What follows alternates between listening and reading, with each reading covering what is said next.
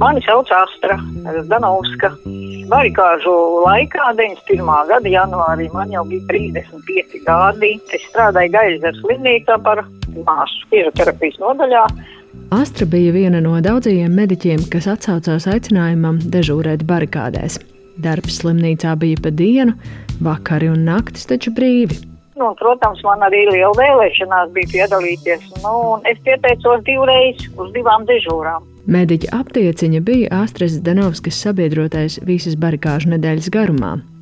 Pirmā dežūra bija ātrās palīdzības mašīnā netālu no telefona un telegrāfa centrālas Dzirnavielā, viena no strateģiskajiem objektiem, ko apsargāja barikāžu dalībnieki. Čakielas malā stāvēja smagās mašīnas un arī ātrie.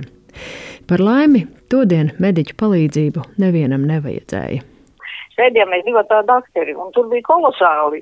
Pa ielu gāja, ļaudis gāja no teātra, ja, jaunatnes teātra, aktieri, aktieri, aktrises mums garām, un, un, un mēs viens otru sveicinājām, un viņi teica, mums turaties, cienāja mūs ar maizītēm, tēja mums laikam arī no termosiem, un tādā ziņā priecīgi, ka, nu, nu, kaut kas notiek labs īstenībā, bija satraukums un prieks, ja. Nu, protams, stress bija no vienas puses, no otras puses, es saku, šodien skatoties, tas bija super. Nu, neviens mūs netraucēja, neviens ļaunais spēks līdz mums neatbrauca.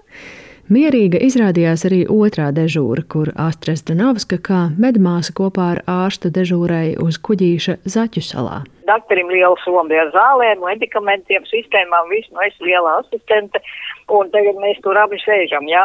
Un tā bija ziema, un tā bija kārtīga ziema, jā, un tu saproti, tagad tā diena un, un nakts, un uz nakti mums jau tagad gribētos pagulēt dienā, jau nē. Klausamies rādio un tā, un, un arī gaidam ka nu būs kaut kas, jo vīri sargāja to televīziju pie ugunskuriem, jā, nu doma bija tāda, ja nāks uzbrukums atkal, mēs varam sniegt pirmo palīdzību.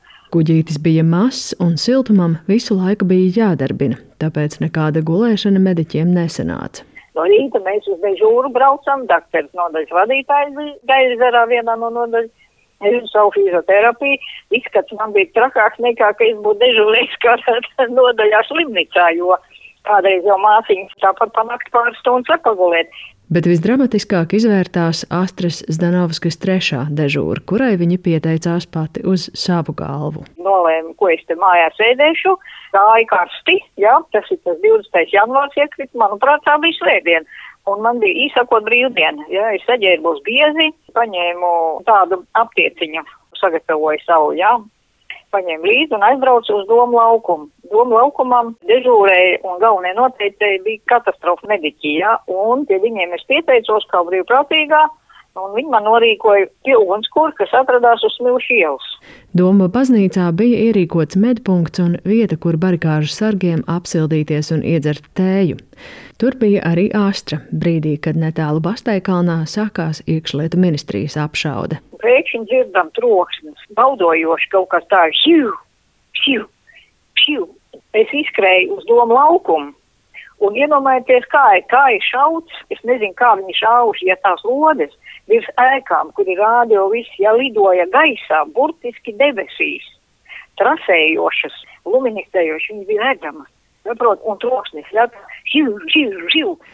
Kādā brīdī pāri smagajām mašīnām, kas bloķēja vecrīgas ielas, vīri no Basteikalna pārnesa ievainoto. Astra pasauca katastrofu mediķus, kuri secināja, zēns ir miris. Tas bija skolnieks Edijs Rieksniņš. Savulaik strādājot par medmāsu reanimācijā, Astrid Danovska bija redzējusi daudz šausmīgu skatu, bet atzīst, ka tajā barikāžu vakarā bija pārbijusies kā diegs. Tas bija tas briesmīgākais moments. Ja? Tas ir tā, ka tu saproti, karš sācies. Ja? Ir sācies karš un šauj, un te var, var nošaut. Ja?